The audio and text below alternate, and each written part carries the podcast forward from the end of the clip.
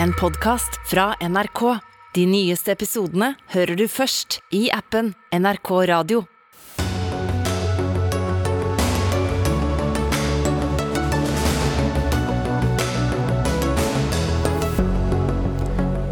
Høyre anklager regjeringen for å være trege med koronatiltak. Helseministeren møter Erna Solberg til debatt.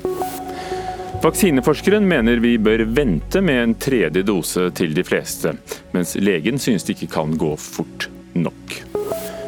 SV har fått gjennomslag i budsjettet. Nå skal regjeringen finne ut om kommersielle kan hindres i å drive barnehager og tjene penger på det, og eldreomsorg og andre velferdstilbud. Dette er start på slutten for det partiet kaller for velferdsprofitører. SV møter NHO til debatt. Det blir dyrere å være syk, dyrere å kjøre bil, og så var det det med strømmen. Heller ikke det hjelper. Rett og slett et budsjett som rammer folks lommebok, sier Frp, og møter både Senterpartiet og SV til debatt.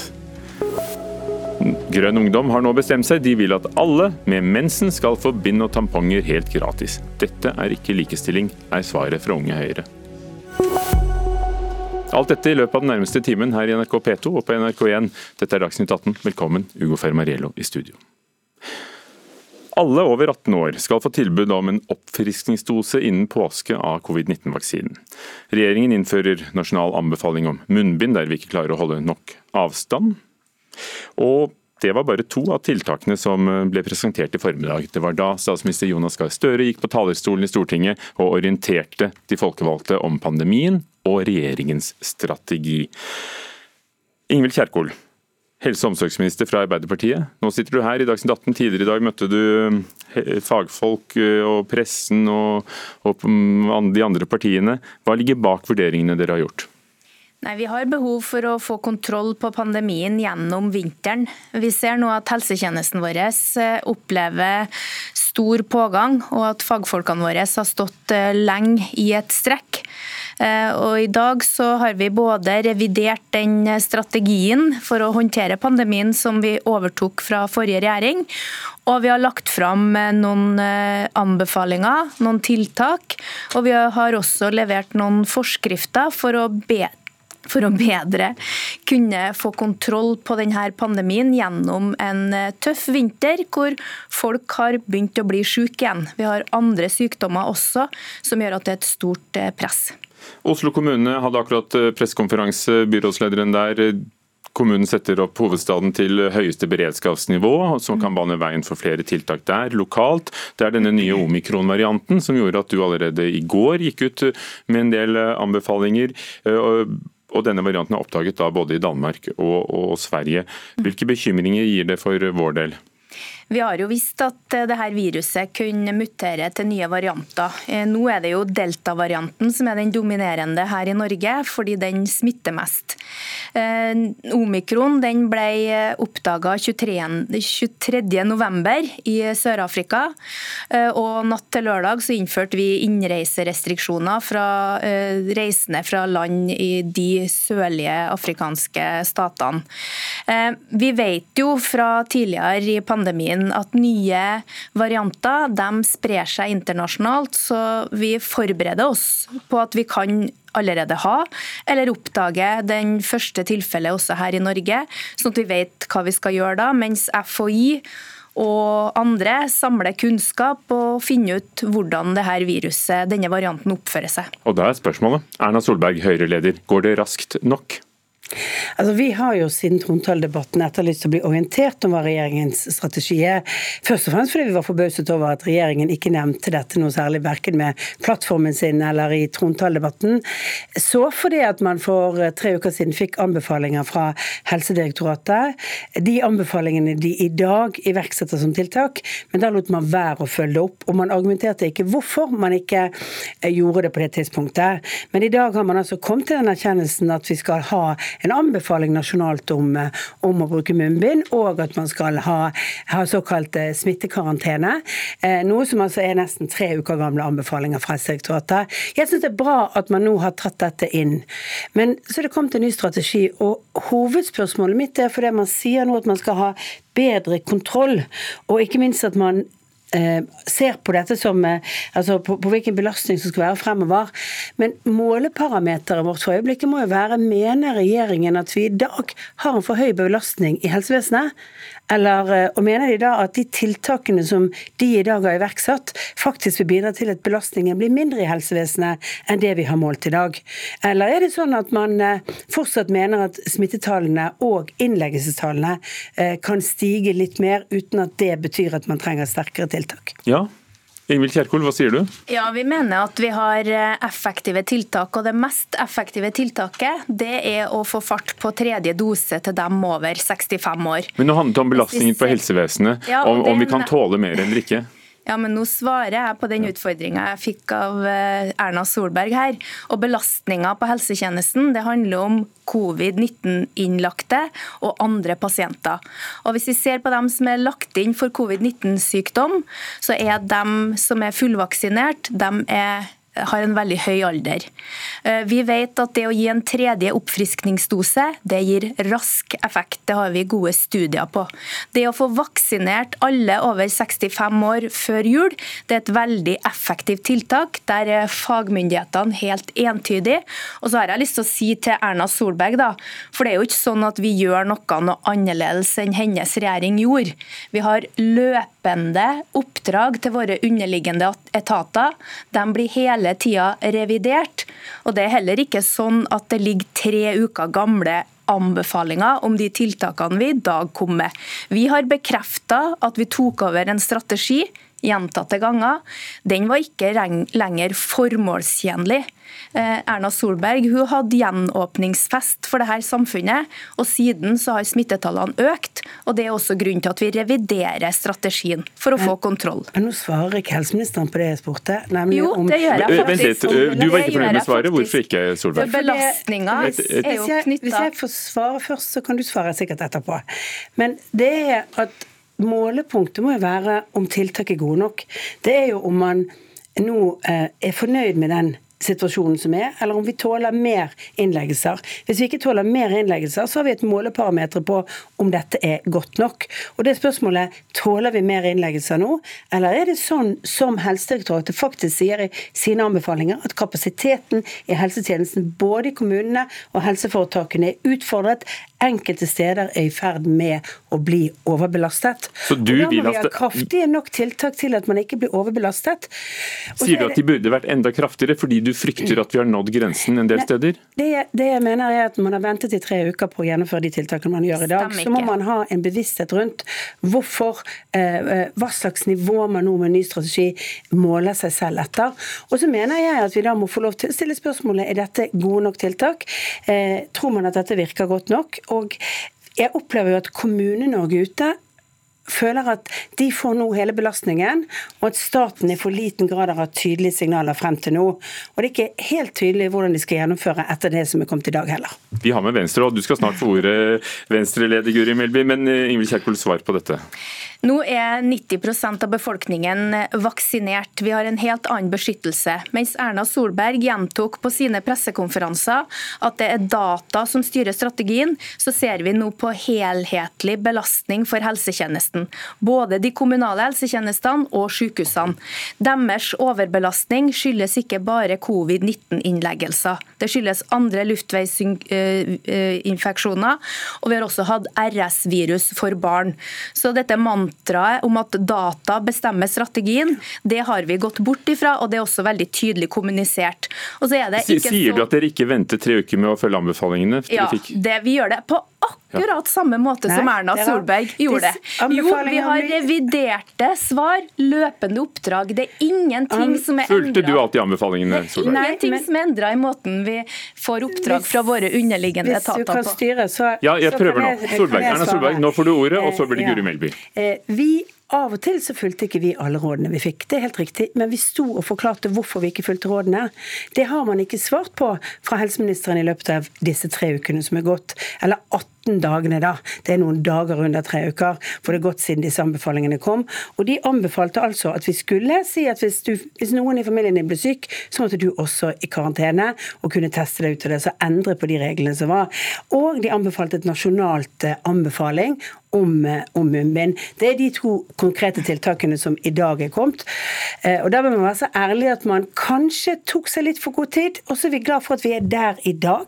Og så mitt konkrete spørsmål er belastningen for stor. og Det forstår jeg nå, sier helseministeren, at belastningen er for stor på helsevesenet allerede.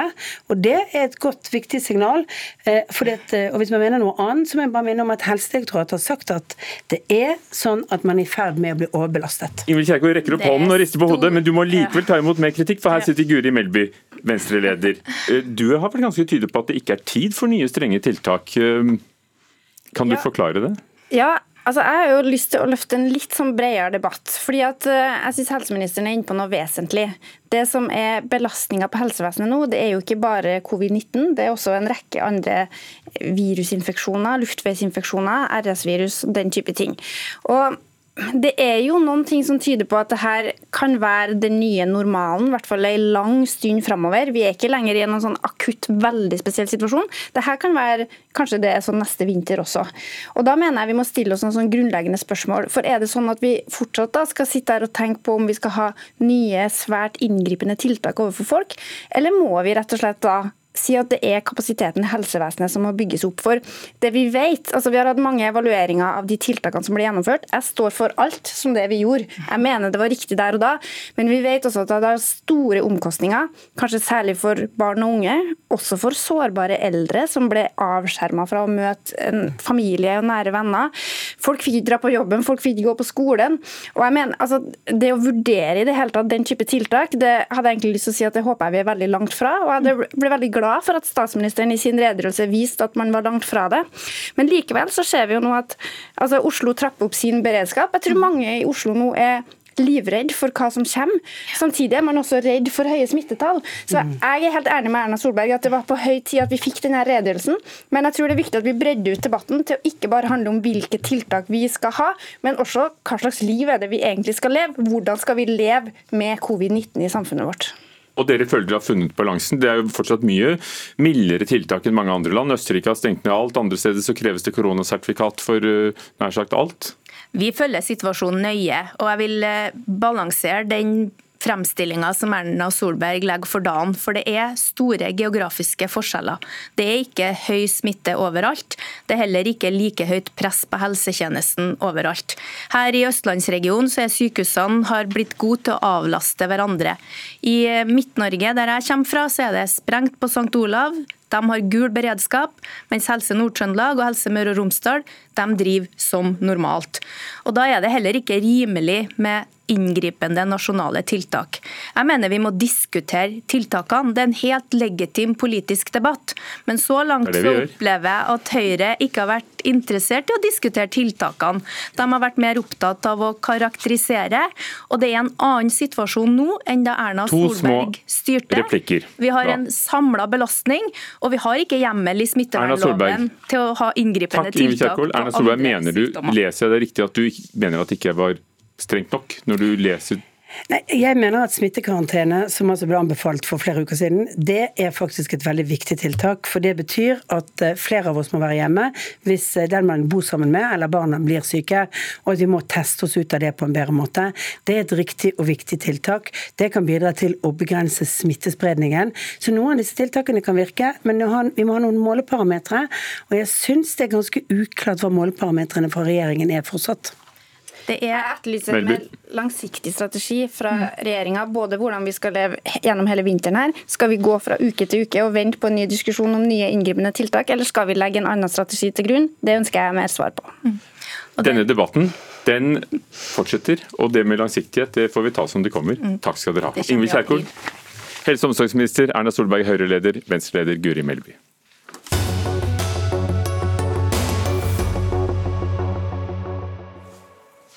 For hvordan virker det egentlig, eh, disse tiltakene og anbefalingene som er foreslått? Der er ikke alltid ekspertene enige, for det er kanskje ikke alt vi vet ennå. Inn i studio nå kommer Gunnar Grødland, vaksineforsker fra Universitetet i Oslo, og Gunhild Alvik Nyborg, lege og epidemiolog ved Oslo universitetssykehus. Gunhild Alvik Nyborg, du har kalt det bakpå det som ble lagt frem i, dag. Hva savner du, eller hva, hvordan vurderer du eh, anbefalingene og tiltakene vi har i Norge nå? Det ble jo i forrige uke bebudet en ny strategi i dag. Eh, eh, det som ble lagt fram i dag var jo ikke noen ny strategi, det var en lett tilstramming av den nåværende strategien, som handler om å ikke presse helsevesenet over grensen.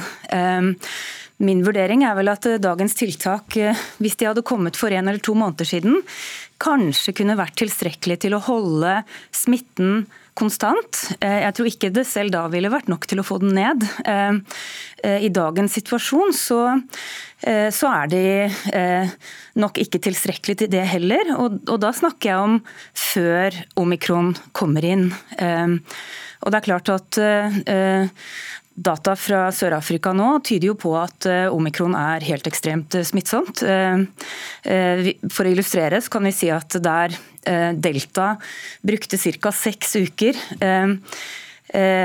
på å fortrenge de tidligere variantene da den kom, så ser det nå ut som omikron bruker to uker på å fortrenge delta.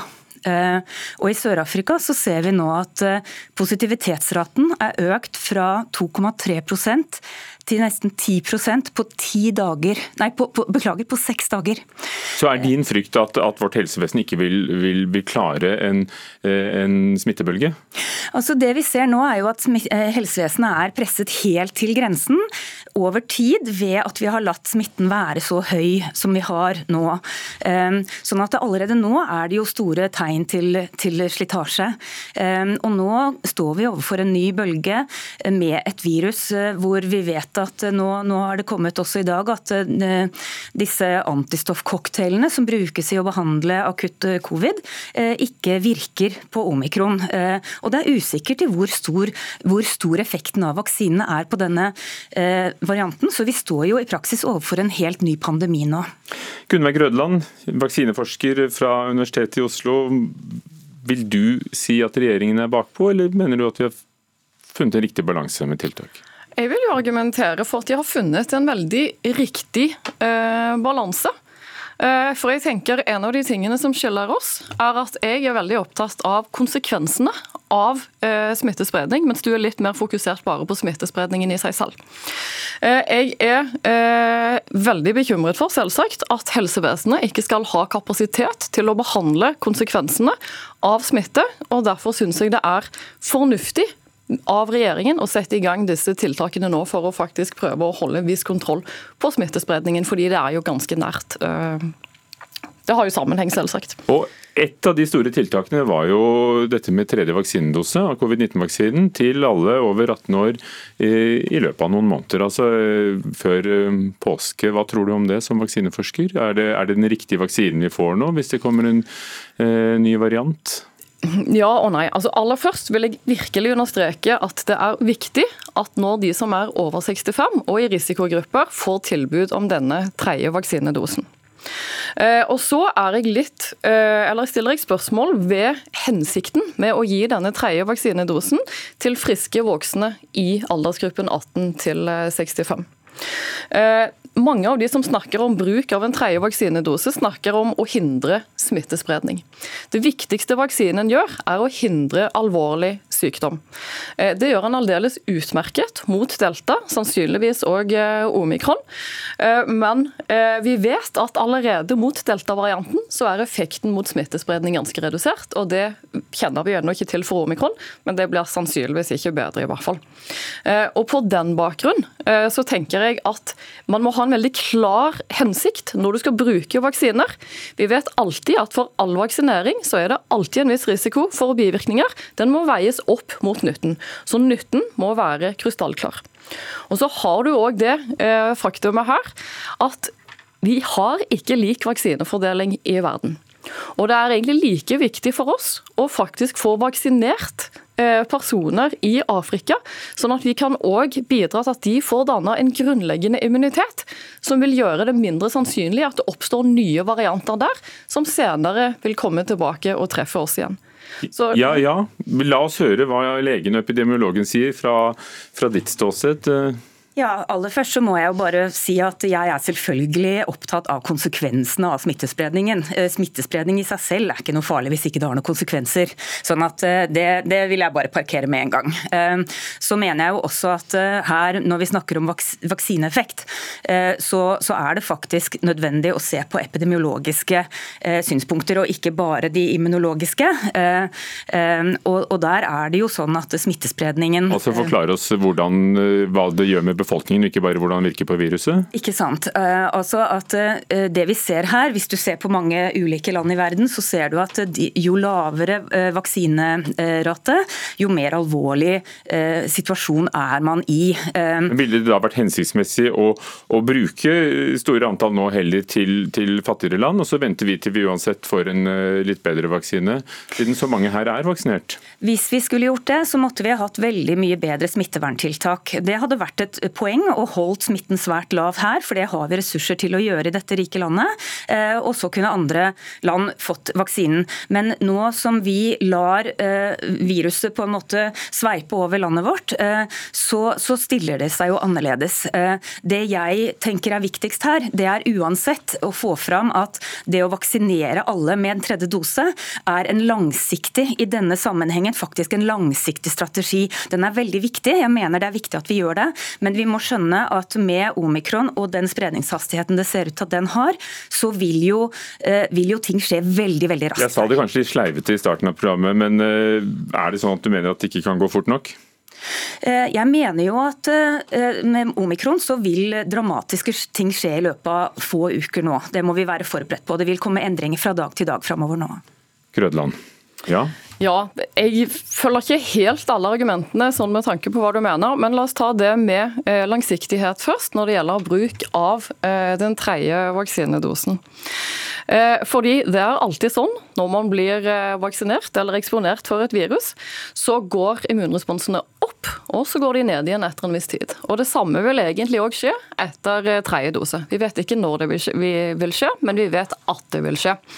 Og Når man altså vaksinerer den friske delen av befolkningen sånn eh, tidlig på vårparten, så er jo konsekvensen at eh, vi begge to havner vel i den gruppen. Vi sitter med aldeles strålende immunresponser over sommeren, hvor vi forventer at sesongmessigheten av dette viruset gjør at du ikke har noe særlig smittespredning uansett.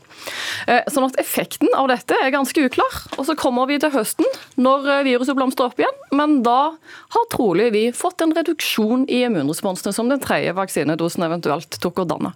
Så her er hensikten temmelig uklar. Vi får se. Takk skal dere ha. Gunnveig Rødland, vaksineforsker, og Gunhild Alvik Nyborg, epidemiolog.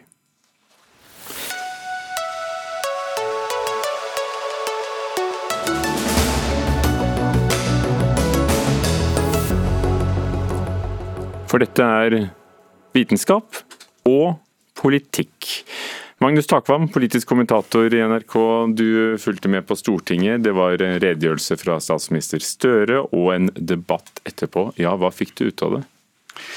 Nei, Regjeringen kommuniserte at de eh, nå har kommet med en ny strategi, selv om vi hørte her at enkelte av eh, de andre politikerne og forskerne, en av forskerne ikke var enig i at det var en ny strategi.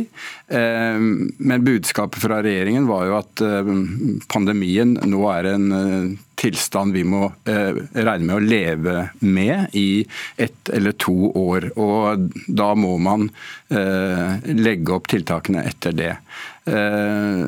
Og det, som dere også har diskutert eh, i, i, studio, eh, reflekterte jo også Jonas Gahr Støre. Det er en vaksinestrategi eh, som, eh, som, er hoved, hovedgrepet, pluss disse enkelttiltakene på, på munnbind og karantene og innreiserestriksjoner osv. Gjorde han en god figur?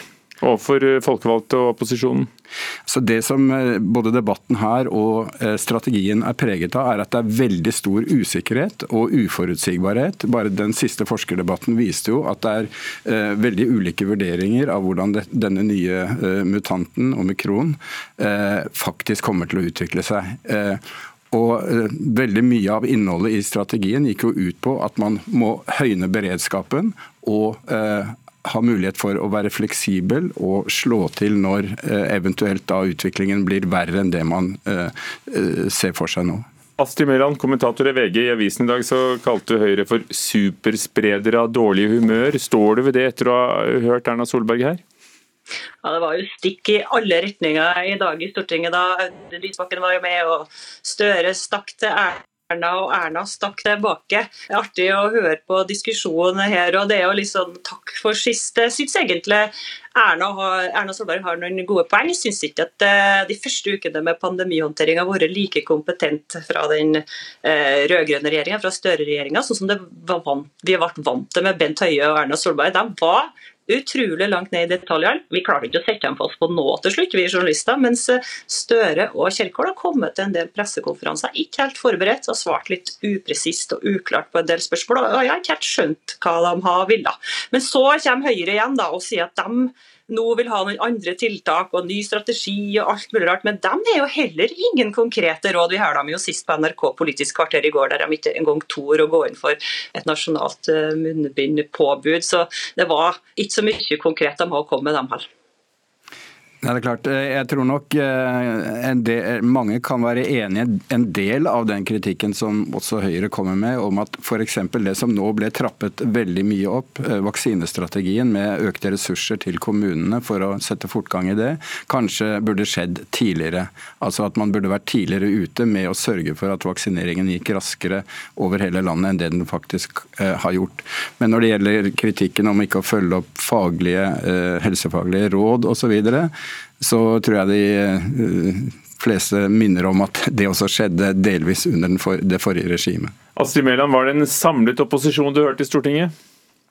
Nei, overhodet ikke. Vi så jo her på Politisk kvarter at eh, Venstre, Skuri Melby, vil ha mindre tiltak og åpent samfunn, mens eh, Høyre altså, har tatt til orde for strengere tiltak. og Audun Lysbakken sa jo på, på Stortinget i dag at eh, de burde slutte å kritisere regjeringa så mye. at Når de var i opposisjon, som de for så vidt eh, fortsatt er, men da var de skikkelig snille og lot være å kritisere og blande seg inn i smittevernråd. Så eh, Det er en helt annen tid nå. Det var ikke sånn i fjor på det tidspunktet. Da var det mer borgerfred, som Audun Lysbakken sa.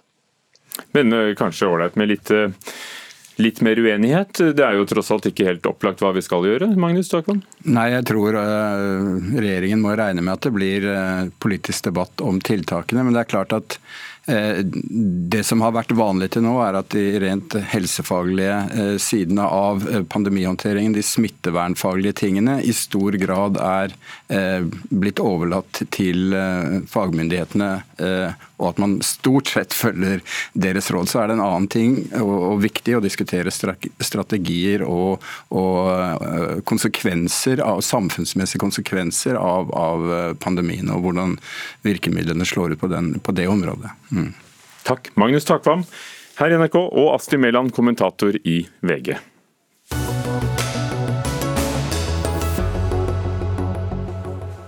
En ny rapport sier at um, NRK slettes ikke truer tilbudet fra kommersielle medier, men er det riktig? Altså VGs uh, redaktør er ikke helt enig, og han møter Medietilsynet til debatt litt senere her i um, Dagsnytt 18. Så fikk SV gjennomslag. Regjeringen skal utrede hvordan private aktører som driver kommersielt for profitt, kan stenges ute fra offentlig finansiert velferd, f.eks. barnehager og eldreomsorg. Dette er en del av budsjettavtalen som ble lagt frem i går. Anne Cecilie Kaltenborn, administrerende direktør i NHO Service og Handel. Hva vil det bety, som du ser det? Nei, Først og fremst så er det jo bare forferdelig trist å, å, se at eh, regjeringen har så lite aktelse og verdsetter private institusjoner og initiativ så lite. Eh, det vil jo bety spesielt mye i distriktene. Eh, vi vet at veldig mange mindre kommuner er helt avhengig av langsiktig samarbeid med private bedrifter, som er, har vi funnet ut nå gjennom en fersk rapport, til stede i langt flere av de små kommunene enn det f.eks. private ideelle stiftelser er, som ofte er alternativet til da kommunal drift. Så dette her er en slags krigserklæring og en veldig dårlig takk for sist til alle de eh, institusjonene og private initiativene som er blitt tatt gjennom årenes løp for å løse barnehagekrisen da vi hadde den, for å løse asylkrisen da vi hadde den i 2015, og også nå under covid-19, da det var behov for kapasitetsøkning på mange områder. Og Da er svaret, når de behovene er over, da tar vi og faser det ut. Freddy André Øvsgaard, eh, du sitter på Stortinget for SV. Dere fikk et tydelig stempel da, i budsjettavtalen med, med, denne avgjørelsen. Hvorfor er det nødvendig med en utredning? Fordi Vi må vite hva slags eh, verktøy som trengs for å få eh, profitten ut av grunnleggende skattefinansiert velferd. Det er jo en politikk dere driver med i Oslo allerede? Ja, absolutt. Men når man skal gjøre dette her i hele landet, så er det klokt å innhente eh, kunnskap, gå sammen med eh, sektorene eh, og finne ut av hvordan man kan gjøre det på en trygg og god måte. Men Dere vil tvinge kommunene til ikke å bruke private, da? Ja, det vi vil gjøre er å si at Private er hjertelig velkommen til å drive velferd i Norge, men de kan ikke ta ut profitt. Eh, Det er det som er den store forvirringen fra eh, NHO eh, i denne debatten, hvor de sauser sammen kommersielle aktører med profittmotiv og ideelle tilbydere av, av velferdsgoder. Og Vi ser jo f.eks. i barnehagesektoren at det er en stor kommersiell ensretting, hvor fem store konserner nå er i ferd med å overta halvparten av de private barnehagene innen 2029, eh, viser Telemarksforskning. Og Det går utover mangfoldet i, i sektoren. Så SVs standpunkt er helt eh, klart, og nå har vi fått de første skrittene på veien for å komme dit at hver eneste krone vi bevilger til f.eks. barna våre i eh, barnehagene, ja, det skal gå til barnas tilbud og ikke en krone i privat profitt. Tror du mange av dine medlemmer ville drevet velferdstilbud ideelt og uten å ta ut fortjeneste? Det som er helt sikkert er at veldig mange av de som eh, har etablert private bedrifter innenfor helse og velferd, de har bakgrunn nettopp fra ideell sektor, eller har jobbet eh, i det offentlige i mange år. Og så har de gjennom noen års erfaring tenkt hm, dette tror jeg faktisk at eh, jeg kan gjøre bedre, dette har jeg lyst til å prøve meg på. Og at det skulle være et problem, og at det ikke skulle bidra til mangfold, det mener jeg er en dyp misforståelse. Den veldig gode modellen vi har i Norge, det er jo nettopp at vi har forskjellige former for drift. Eh, stiftelser med lang erfaring, eh, ordinære kommersielle bedrifter, og så har vi jo tross alt 90% av f.eks.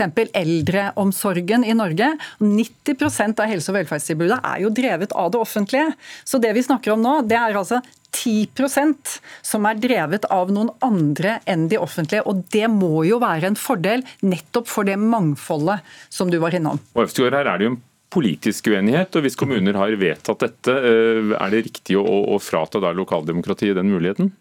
Nei, men igjen så uh, handler det om hva slags uh, drift man skal tillate og, og eierskap. Uh, kommunene kan jo helt fint benytte seg av ideelle tilbudere, så lenge ikke de ideelle tilbuderne får ta ut fellesskapets penger eller foreldrenes betaling av jo, men Noen mener tydeligvis at de får like gode tilbud, og kanskje noen ganger bedre, selv om de som driver det tar ut fortjeneste?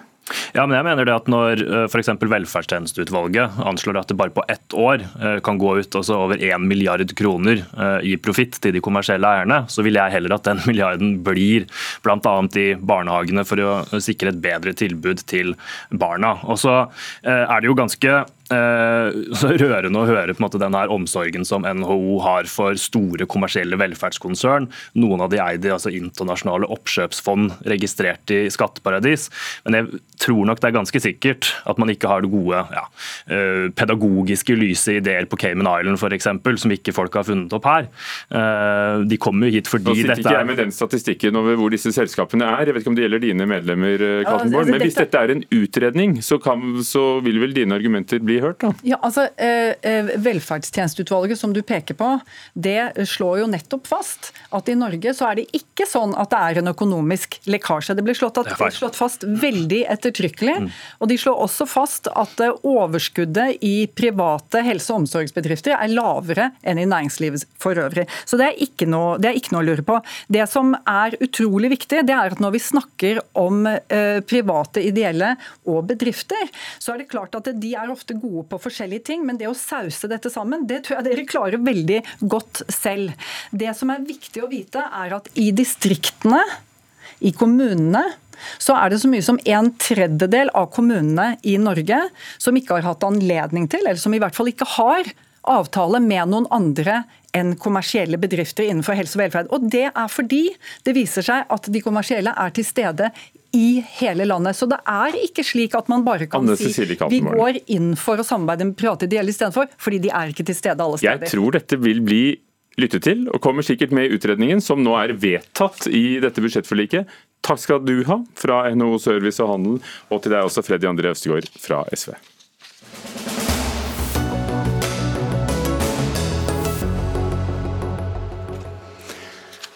For det var jo da enighet eh, mellom SV, regjeringspartiene, Arbeiderpartiet og eh, Senterpartiet i går. I går satt eh, de alle her også i eh, Dagsnytt 18 og skrøt om gjennomslag for gratis SFO etter skoletid, brillestøtte, feriepenger for dem som var permittert under pandemien bl.a. Og, og nå også da hørte vi om utredningen for private velferdsaktører. Men i dag har vi flere kritikere her, for dette er jo også et budsjett som rammer vanlige folks lommebok uheldig, mener bl.a. Fremskrittspartiet. Hans Andreas Limi fra Fremskrittspartiet, finanspolitisk talsmann. Eh, hvordan vil dette gjøre et innhugg? Ja, For det første så vil jo dette forliket innebære at eh, drivstoffavgiftene går opp. Bilavgiftene går kraftig opp og spesielt på ladbare hybrider, som er viktig for mange som ikke kan bruke elbil. Nå eh, omfattes også varebiler og nyttekjøretøy. Det er ingen eh, ekstraordinære tiltak for å kompensere de ekstreme strømprisene.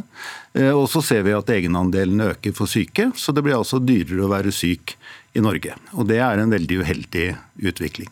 Hmm. Geir Polstad, parlamentarisk nestleder for Senterpartiet, medlem av finanskomiteen. Ja, dyr bil, dyr strøm eh, rammer vanlige folks lommebok. Ja, Det er jo en ganske kreativ eh, historiefortelling når eh, realiteten er at alle som har inntekt under 750 000 får lavere skatt. Vi senker avgiftene med 2,3 milliarder sammenlignet med det som var Solberg-regjeringa sitt forslag. Og vi kutta f.eks. 3 milliarder i elavgifter. Det er Hvor mye sa du? 3 milliarder i elavgifter. Eh, når Frp satt i regjering, så økte de elavgifter. I den perioden som Siv Jensen var finansminister, så økte avgiftene i Norge med 6,3 milliarder kroner. Nå har vi en regjering som er opptatt av vanlige folk, og som kutter på denne type avgifter. Det er veldig kreativt å sammenligne med et budsjett som uh, ikke blir vedtatt. Uh, fremlagt av en regjering som nå har gått av. Uh, det du må sammenligne med Pollestad, det er jo dagens situasjon. Og det er jo ikke noe tvil om at Så lenge du legger inn en kraftig økning av CO2-avgiften, så vil det påvirke altså drivstoffavgiftene. Det ligger inne en stor skjerpelse av bilavgiftene. Eh, og det er en rekke skatter og avgifter som øker. Altså I løpet av seks uker så har dere økt skatt og avgift med 8,7 milliarder. Og det er faktisk 3,5 milliard mer enn det den forrige rød-grønne regjeringen klarte å øke skatt og avgift med på åtte år. Og Det er eh, godt gjort, men det tegner ikke bra for den videre utviklingen i Norge. Og Når det gjelder det med strømmen, så er det jo en ting å kutte, men nå, nå har du regnet med over to milliarder i inntekter fra Statkraft, bortsett fra momsen og, og, alt det genererer det at strømmen koster så mye. Så der, der er det vel litt å ta, er det ikke det? Jo, men Vi måler mot eh, den situasjonen som eh, Høyre og Fremskrittspartiet har sørget for at vi har på avgiftene, og så senker vi avgiftene eh, sammenlignet med det. Og Det mener jeg er en ganske fair måte å måle dette på. Og så er Det jo sånn at eh, når vi, Det er helt rett at vi tar inn noe mer i skatt, men eh, avgifter det, vi, det ønsker vi ikke å ha så høye. Og Det handler om at de som har den største, beste ryggen, skal bære den største børa. Og Vi har jo brukt disse pengene til å fjerne en rekke usosiale kutt som regjeringa Solberg har foreslått i budsjettet. Og vi har brukt disse pengene til konkret politikk for en aktiv næringspolitikk. Så vi tar inn penger fra de som har mest, og så omfordeler med. Og Men kommer du unna at det blir dyrere å kjøre bil, og, og, det koster fortsatt mye mer for strømmen? Dere tjener, Staten tjener mer på strømmen enn det dere gir i avgiftslette? Det blir billigere å kjøre bil enn med Solberg-regjeringa sitt forslag, og så blir det bitte litt dyrere på drivstoffet enn i dag. Men der har vi greid gjennom forhandlingene med SV å holde den reduksjonen som vi har lagt inn for å motsvare økt CO2-avgift. Tina Bru fra Høyre, hva synes du om budsjettet, og nå tenker jeg spesielt på skattene? Jeg syns det er litt uredelig den sammenligningen som Geir Pollestad bruker her. For som Hans Andreas Limi også er inne på, så det de gjør er å sammenligne med budsjettet for inneværende år. Men hvis du sammenligner med det budsjettforslaget som Solberg-regjeringen la frem før den gikk av, som jeg mener er det riktige å sammenligne med, det er jo det som tar hensyn til situasjonen i norsk økonomi nå, og hva som er tilfellet neste år, så er jo faktisk sannheten at da holder ikke bl.a. Arbeiderpartiet, selv om ikke de er i studio her i dag, da, men de holder jo ikke da skatteløftet sitt på at alle som tjener under 750 000 får lavere skatt. fordi tvert om så er det jo sånn at det sammenlignet med vårt forslag, så vil faktisk de som tjener minst eh, få økt skatt enn det de ville fått med det forslaget som vi la frem. Som du sier, Det, det rammer alt fra konduktører til sykepleiere og ja, det det lektorer og ja, du hadde en del eksempler. Ja, for det de også gjør nå i dette forliket med SV, er jo at de eh, senker terskelen for når toppskatten slår inn med hele 27 000 kroner. Det betyr jo at flere eh, relativt vanlige folk, for å bruke det begrepet som regjeringen er så glad i å bruke, nå vil betale eh, mer skatt og toppskatt til f.eks. jordmødre, konduktører osv. Var det det dere ville? SVs Freddy André Øvstegård, du er fortsatt med oss. Eh, for, det første er det jo feil. Altså, alle som tjener under 750 000 får uh, mindre uh, skatt i det her forliket. og Det handler bl.a. om en del av regnestykket som ikke Tina Bru her presenterer, nemlig redusert trygdeavgift. Så Det er helheten som er, er, viktigst på det. og Dette budsjettet er jo et vendepunkt etter åtte år med store skattekutt for de som har mest fra før, kombinert med usosiale kutt for de som er syke eller har minst. Nå innfører vi bl.a. Eh, et ekstra eh, trinn på formuesskatten for de over, eh, med formuer over 20 millioner. Bare det gir også fellesskapet 1 milliard kroner mer i inntekter, som kan brukes til bl.a. det å innføre gratis SFO for alle førsteklassinger. Det er omfordelende politikk i praksis, og det er klokt. Jeg håper du vil nevne akkurat det for Tina Bru som finanspolitisk talsperson fra Høyre. Det med formuesskatten, hvilke konsekvenser mener dere at det får? Jeg mener jo at vi også har sett, eh, som NHO har vært ute og sagt nå, at dette kan få ganske store konsekvenser for norsk næringsliv. Dette er en stor økning eh, allerede nå. Det er hele på en måte, den økningen som Arbeiderpartiet sa de skulle gjøre i valgkampen. Men, men de hadde ikke fått til hvis dere hadde klart å redusere mer mens dere satt i regjering, kanskje? De ville nok økt uansett. og Jeg, jeg frykter jo at dette bare er starten. Altså nå henter man, altså I tilleggsproposisjonen fra regjeringen så var det en økning på 7 milliarder, nå er det oppe i 10 milliarder. Og man øker jo ikke bare formuesskatten, man øker også skatten på utbytte. Så det betyr jo at mange av de bedriftseierne bedriftseierne som i dag tar ut utbytte for å betale formuesskatt, nå faktisk må ta ut enda mer utbytte enn det de måtte før, for å også betale da enda mer formuesskatt enn det de gjorde før. Det sier seg sjøl at det er ikke en bra resept for mer jobbskaping og for bedrifter rundt omkring i landet. Alle skal få ordet. Aller først, Pollestad, er det næringsfiendtlig skatteregime? Nei, det er det ikke. Eh, fordi at eh, Høyre og Senterpartiet er begge for eh, formuesskatt, og så er det ikke nivået en skal være på. Men vi mener det er god næringspolitikk å sørge for at det er små forskjeller i Norge, og vi mener det er god næringspolitikk å bruke eh, skattesystemet til å ta inn penger, som igjen bruker inn på en aktiv næringspolitikk for å skape nye arbeidsplasser, for å skape vekst i Norge. Så dette er et klokt og fornuftig grep. Østegård. Altså, Høyre har jo fremdeles ikke etter årevis av debatt uh, om formuesskatten klart å dokumentere en eneste arbeidsplass uh, som er trua uh, av formuesskatten. Um, det vi tvert imot vet, er jo det at samfunn med stor grad av likhet er også stor samfunn som er prega av tillit og også høyere verdiskapning enn samfunn som har store forskjeller. Det er den norske modellen hvor det er kort avstand mellom gulvet, de som jobber i fabrikkhallene og de som sitter i styrerommene. Det viser at vi kan omstille bedrifter møter på en bedre måte.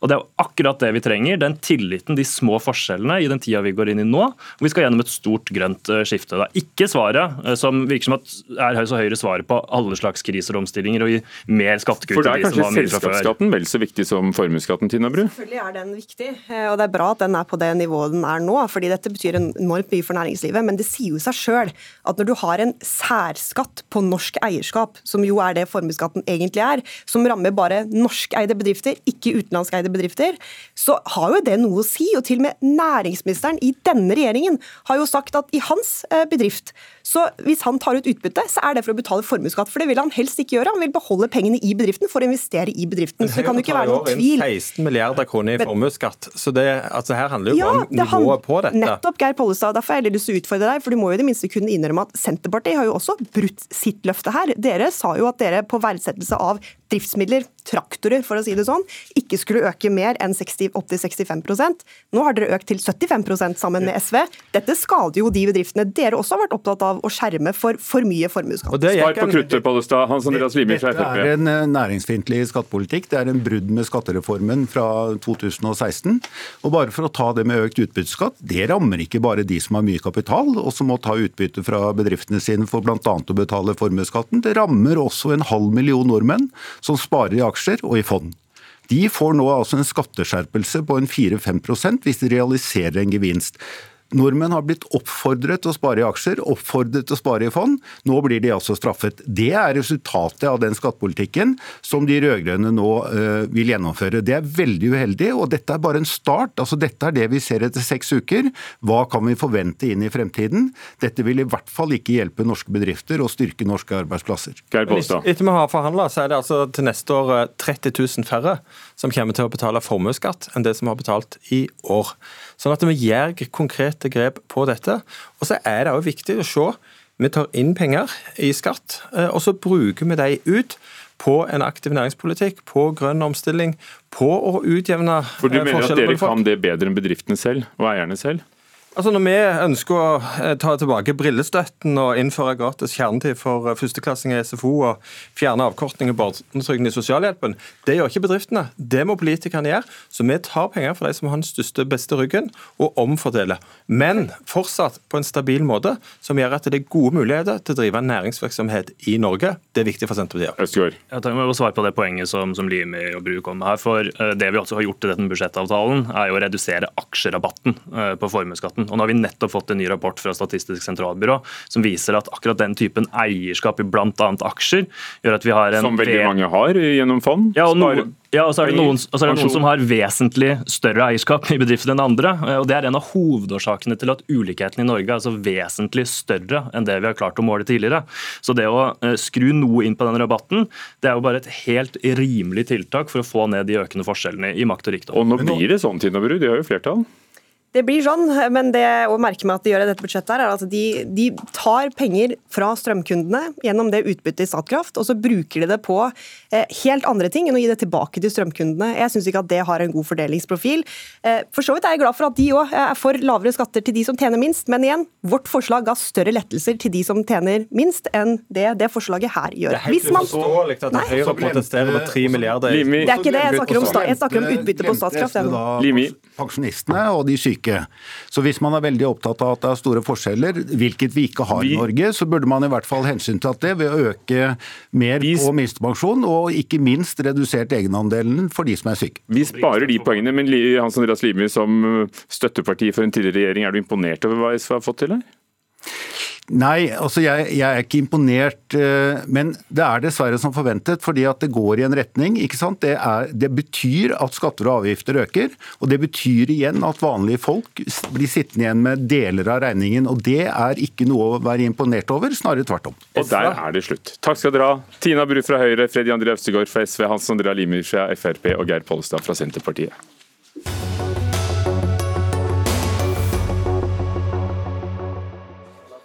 For det handler om, eh, om, makt i politikken og i budsjettene, og det gjør det søren meg også i medielandskapet.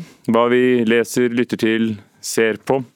Nå er det fire år siden sist, men Medietilsynet kom i går med en ny NRK-rapport som igjen konstaterer at kringkasteren, altså allmennkringkasteren her vi nå sitter i Dagsnytt 18 i NRK P2 og NRK1, ikke truer tilbudet fra de kommersielle mediene. Det er Oslo Economics som har laget denne rapporten på oppdrag for Medietilsynet. Gard Steiro, sjefredaktør i VG. Vi leser i Klassekampen at du er ikke enig i denne konklusjonen. Hvorfor ikke? Jeg, jeg syns ikke Medietilsynet tar de funnene som ligger i rapporten på tilstrekkelig alvor. Fordi at Denne rapporten sier omtrent det samme som mange fra de kommersielle mediene har sagt i mange år, at konkurransen tilspisser seg og det er en usikkerhet hvordan NRK sin posisjon vil påvirke mediemangfoldet i Norge og evnen til diskutere, til å finansiere journalistikk. Det står det i rapporten, det står i funnene. Og så syns jeg Medietilsynet liksom ikke drøfter det godt nok. Jeg syns man ikke kommer opp med mange nok skal jeg si, alternativer til den modellen man har i dag. Og det er jeg litt urolig for. Ikke pga. situasjonen i dag, men pga. den situasjonen vi går inn i. I en mediebransje som endrer seg fort, og der jeg er redd for at konkurransen både fra globale kjemper som Facebook og Google og et styrket NRK vil gjøre noe med mediemangfoldet i Norge. Men dere gjør det kjempebra. VG er uh, ofte størst, og dere tjener penger og selger annonser og har lesere. Ja, vi selger, vi selger, vi selger, vi selger, vi selger færre annonser til men dette handler ikke primært om VG. og det er derfor jeg har sagt også at det er forstått å sitte her, Jeg representerer jo VG når jeg sitter her, men jeg tror at hvis du leser den rapporten, så påpekes det der at det er på regionalt nivå og store nasjonale aviser det er der konkurransen er mest tilspisset. Sånn at jeg tror at Hvis du ser på VG isolert, vi har en sterk posisjon og vi gjør det godt. Konkurransen for NRK er mye eh, sterkere, skarpere enn tidligere. Men dette handler, jeg tror det handler mest om de mediene som er helt avhengig av å ha mange abonnenter, mange digitale abonnenter for å finansiere journalistikken sin framover. Mari Welsand, direktør i Medietilsynet. Er det, er det sånn at dere ikke ser langt frem nok når dere lager disse rapportene? Det er fire år i gangen dere skal ta ja, flere? Ja, nå er jo dette en, eh, en, rapport som tar utgangspunkt i, i, situasjonen nå, hva som har skjedd siden forrige rapport kom for fire år siden. Eh, og rapporten inneholder mer enn den konkurranseanalysen du viste til fra Oslo Economics. Det er en, en del av eh, da, en helhet, så det er mange analyser og mye data som ligger til grunn for de vurderingene som er gjort. Og så er det jo sånn at uh, siden forrige rapport for fire år siden, så er det riktig som Gard er inne på her, at uh, konkurransen har tilspisset seg i det nasjonale uh, nyhets- og aktualitetsmarkedet. Men vurderingen vår er altså at i sum så er det faktisk positivt for publikum og tilbudet til publikum og mediemangfoldet. Og det er jo viktig at det er det overordnede perspektivet her. Og så skal det jo være et mediemangfold der det både er rom for en god allmennkringkaster og for et godt kommersielt kommersielt eh, tilbud, sånn at de eh, begge kan bidra til et godt tilbud til publikum. For du er enig i det at det skal være en lisensfinansiert allmennkringkaster? Absolutt, og det tror jeg, og det, disse debattene handler ofte om at vi i kommersielle mediehus vil strupe NRK. og Da sier jeg tvert imot. Mener, Men et par begrensninger kunne du tenke deg? Ja, jeg kunne iallfall tenkt meg en, en, drøfting av det. Hvilke begrensninger kunne det vært? Diskusjonen i våre naboland i Sverige og Danmark er veldig ulik diskusjonen vi har i Norge. Og jeg tror at Vi som jobber i de kommersielle mediehusene, vi mener at et sterkt NRK det er viktigere enn noensinne. Det er utrolig viktig å ha en sterk allmennkringkaster. Hvorfor det? Fordi at vi går inn i en medieverden der tillit til mediene er utrolig viktig, og der det er viktig at vi har breie offentlige samlingsarenaer, som NRK er. Og Vi ønsker jo et sterkt NRK. Vi ønsker et sterkt NRK på TV, vi ønsker et sterkt NRK på radio. Og så stiller vi spørsmålet når NRK beveger seg inn på de flatene som de kommersielle mediehusene vanligvis har jobbet på, hvordan skal man da sørge for at man klarer å virke sammen på de flatene? Det er, liksom, det er spørsmålet. For det er jo det, Mari Velsen. Nå lager jo alle radio, TV og NRK har et stort nettsted. Da er vi jo veldig heldige i Norge, vil jeg si. Vi er jo i verdensklasse både i det å ha en god allmennkringkaster, men også det å ha eh, et godt eh, kommersielt eh, tilbud. Og ikke minst har vi en høy betalingsvilje. Så Sånn sett så, så har vi i sum et veldig godt, godt tilbud i, Jo, Men når mange kan få det nyheter gratis, da, fordi de er betalt jo, med lisensen? Jo, så viser jo også undersøkelsene vi har gjort, og det er faktisk tre ulike undersøkelser som viser det, at det å bruke NRK mye, NRKs gratistilbud mye, det påvirker ikke betalingsviljen for digitale nyheter negativt, snarere tvert imot. Sånn. Så viser at det er en positiv sammenheng, sånn at de som er nyhetsinteressert, de bruker gjerne både NRK eh, og betaler for nyheter. Og Selv om NRK lager NRK.no, så har jo dere begynt å overta eh, radiostjerner fra NRK og lage radio og TV, dere òg? Ja, alle kan lage alt nå? Ja, alle kan lage alt, men noen må ta betalt for det, i motsetning til NRK. Men akkurat det poenget du trekker fram, Mari, det er jo i rapporten knyttet ganske stor usikkerhet til. Det står jo at akkurat dette med sammenhengen mellom et stort gratistilbud og et abonnementstilbud er usikkert. Og det er jo andre tall. altså Vi sitter med den Tinus-rapporten som viser at grunnen folk oppgir til at de ikke 45% av de som ikke betaler for nyheter på nett, de oppgir at det er digitale nyheter fra NRK som gjør at de ikke vil betale for det. Og det mener jeg det, må, det skulle ønske for Medietilsynet, man tok dette på større alvor. Det, man sier det er fire år til neste gang man skal gjøre denne undersøkelsen. og Da skulle ønske man i hvert fall hadde opp en drøfting av hva, kunne, hva kan man gjøre de neste fire årene hvis dette går på bekostning av mediemangfoldet. Vil absolutt si at vi tar dette på alvor. Eh, og Vi har tre ulike undersøkelser som bygger opp under at det ikke er negativ sammenheng mellom det å bruke NRK og, og betale for nyheter. Du et tips på noe mer å se på der. Takk skal dere ha, Mari Velstein i Medietilsynet og Gahr Steiro, sjefredaktør i VG.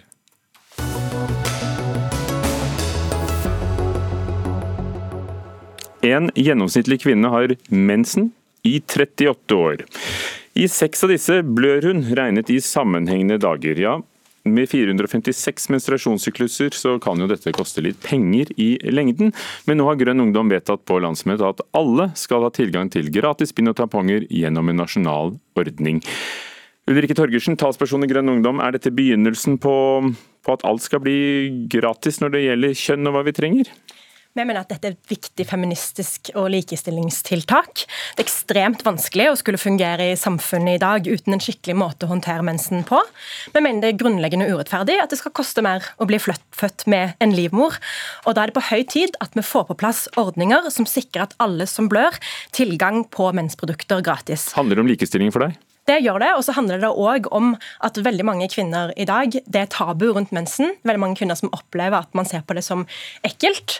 Eh, og det er et veldig eh, et tiltak for å normalisere eh, og sørge for at det blir mindre skam rundt det. Og ved å ha f.eks. mensprodukter tilgjengelig på offentlige skoler, eller offentlige kantiner på skoler på universiteter, så blir det mye bedre for kvinner og f.eks. For, for transmenn, og lavterskel for å velge mensprodukter. Karoline Hoff, sentralstyremedlem i Unge Høyre. Hvordan ser du på forslaget, som jo allerede er eh, satt i verk i Skottland f.eks.?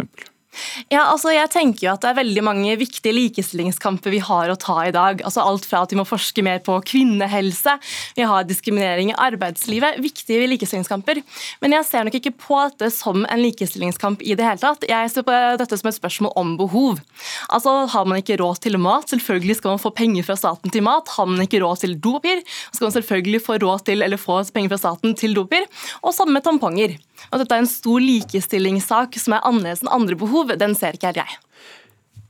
Hva er erfaringene fra stedene hvor dette prøves ut? Altså i, i, Viken fylke så prøves det ut ved skoler. Skottland har det. Det er redusert moms i noen land, som Canada og i staten New York. Eh, altså hva, ja, Flere land som vi liker å sammenligne oss med her i Norge, har innført dette. og Det er et relativt billig velferds... Det er ikke helt velferds... gratis, det er jo ikke veldig mange andre enn Skottland, er det det? Det er New Zealand og Australia har gjennomført eh, gratis mensprodukter på universiteter og høyskoler og skoler.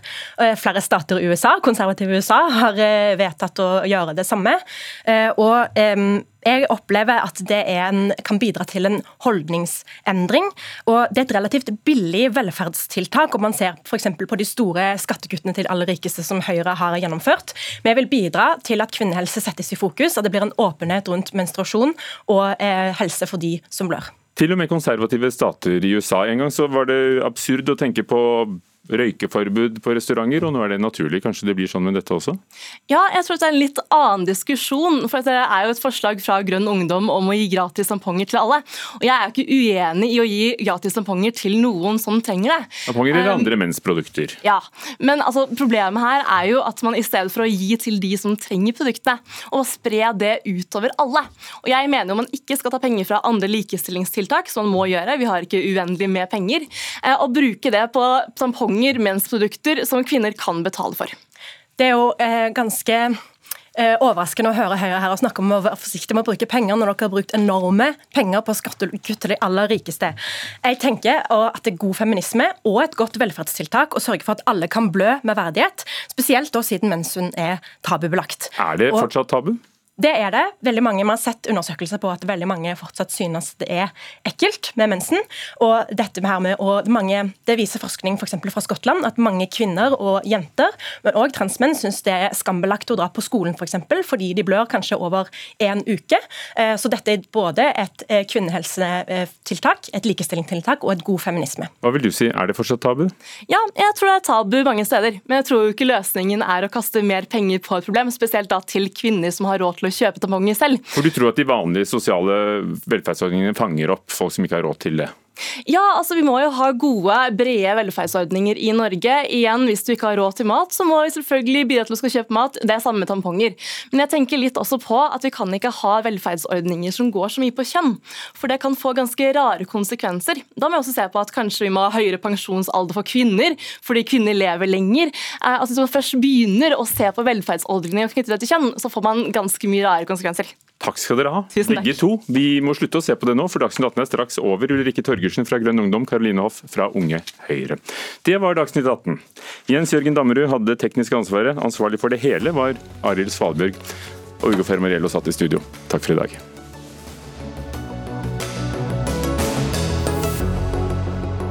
Du har hørt en podkast fra NRK.